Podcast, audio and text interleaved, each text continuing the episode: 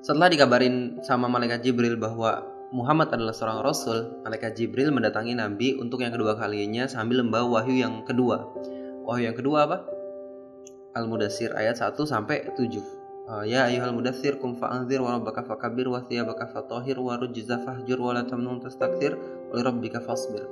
Wahai orang yang berselimut, bangun dan berikanlah peringatan, agungkanlah Tuhanmu, sucikanlah pakaianmu, tinggalkanlah segala perbuatan keji, jangan memberi jika bermaksud mendapatkan balasan yang lebih besar dan hanya kepada Tuhanmu bersabarlah. Rasulullah ketika mendapatkan wahyu ini tuh paham banget bahwa Allah memerintahkan Nabi untuk segera berdakwah gitu. Ngasih tahu bahwa tiada ilah yang berhak diibadahi kecuali Allah dan Nabi Muhammad adalah utusannya.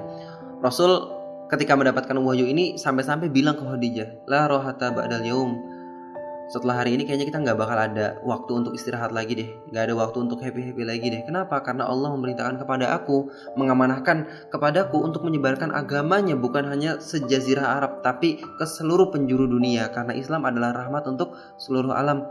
Tapi mulai dari mana pamannya Warokoh bin Novel pernah ngasih tahu bahwa dakwahnya Nabi pasti akan mendapatkan banyak banget pertentangan.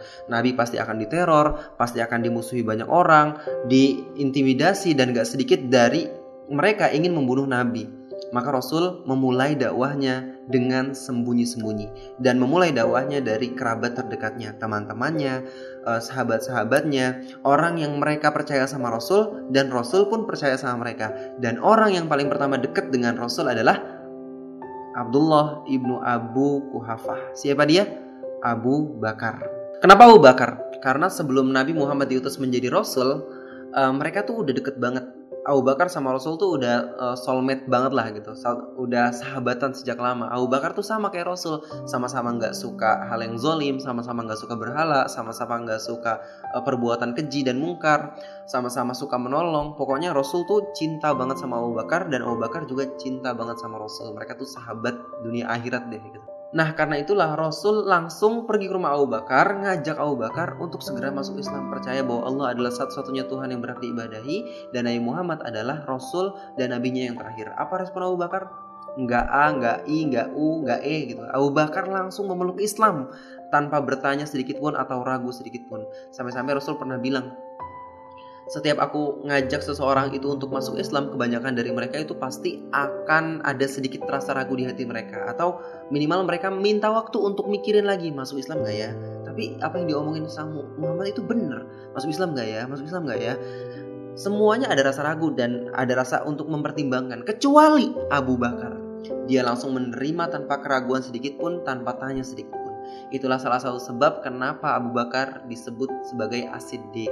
Karena Abu Bakar mempercayai setiap apa yang Rasulullah Shallallahu Alaihi Wasallam katakan.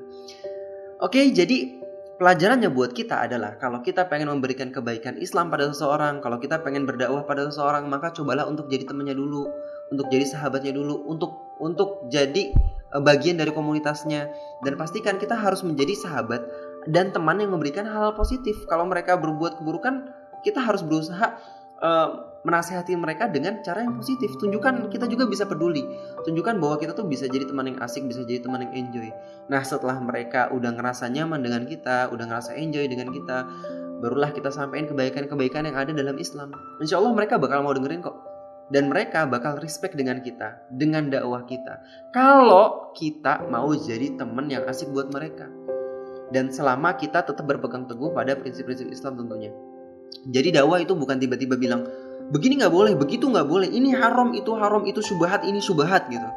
Nggak percaya, ini dalil-dalilnya, ini dari Al-Quran surat ini ayat segini, ini dari As-Sunnah surat uh, hadis riwayat ini, hadis riwayat ini, hadis riwayat ini, ini ijma para sahabat, ini uh, fatwa para ulama, perkataan para ulama. Apakah nggak cukup semua ini tuh menjadi sebab untuk antum tuh bertobat dari kekejian antum dari apa dosa-dosa antum? Karena emang dasarnya antum nggak pengen cari kebenaran ya udah antum selalu dalam keadaan subhat gitu ya Allah kita nggak pengen loh dakwah kita dalil-dalil yang kita pahami itu kita gunain untuk nyalah-nyalahin orang untuk menunjuk orang karena kita berdakwah itu bukan untuk nyalahin orang kita berdakwah itu untuk membuat orang lain itu lebih cinta lagi ke Allah lebih sayang lagi terhadap Rasulullah SAW ketika cinta dan sayang itu sudah ada maka dengan sendirinya orang tuh tanpa dipaksa tanpa disuruh akan mau taat kok. Sekarang pertanyaannya kita mau fokus sama yang mana?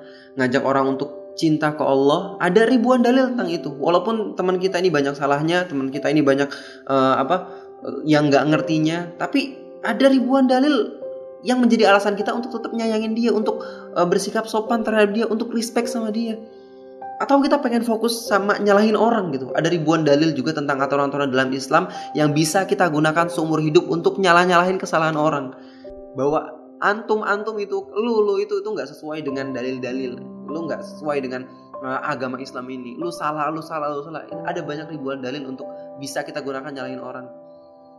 Tapi kalau kita memulai dakwah kita dengan cara yang kayak gitu kayaknya banyak orang nggak respect sama kita deh dan kita kayaknya sulit untuk didengerin deh dan itu akan memperburuk citra Islam bahwa Islam itu adalah agama yang ribet agama yang penuh dengan aturan agama yang enggak eh, asik kolot dan sebagainya maka please fokus kita dalam berdakwah adalah membuat agar orang itu lebih cinta ke Allah dan lebih sayang sama Rasulullah. Insya Allah ketika cinta dan sayang itu sudah muncul, ketaatan akan muncul sendiri.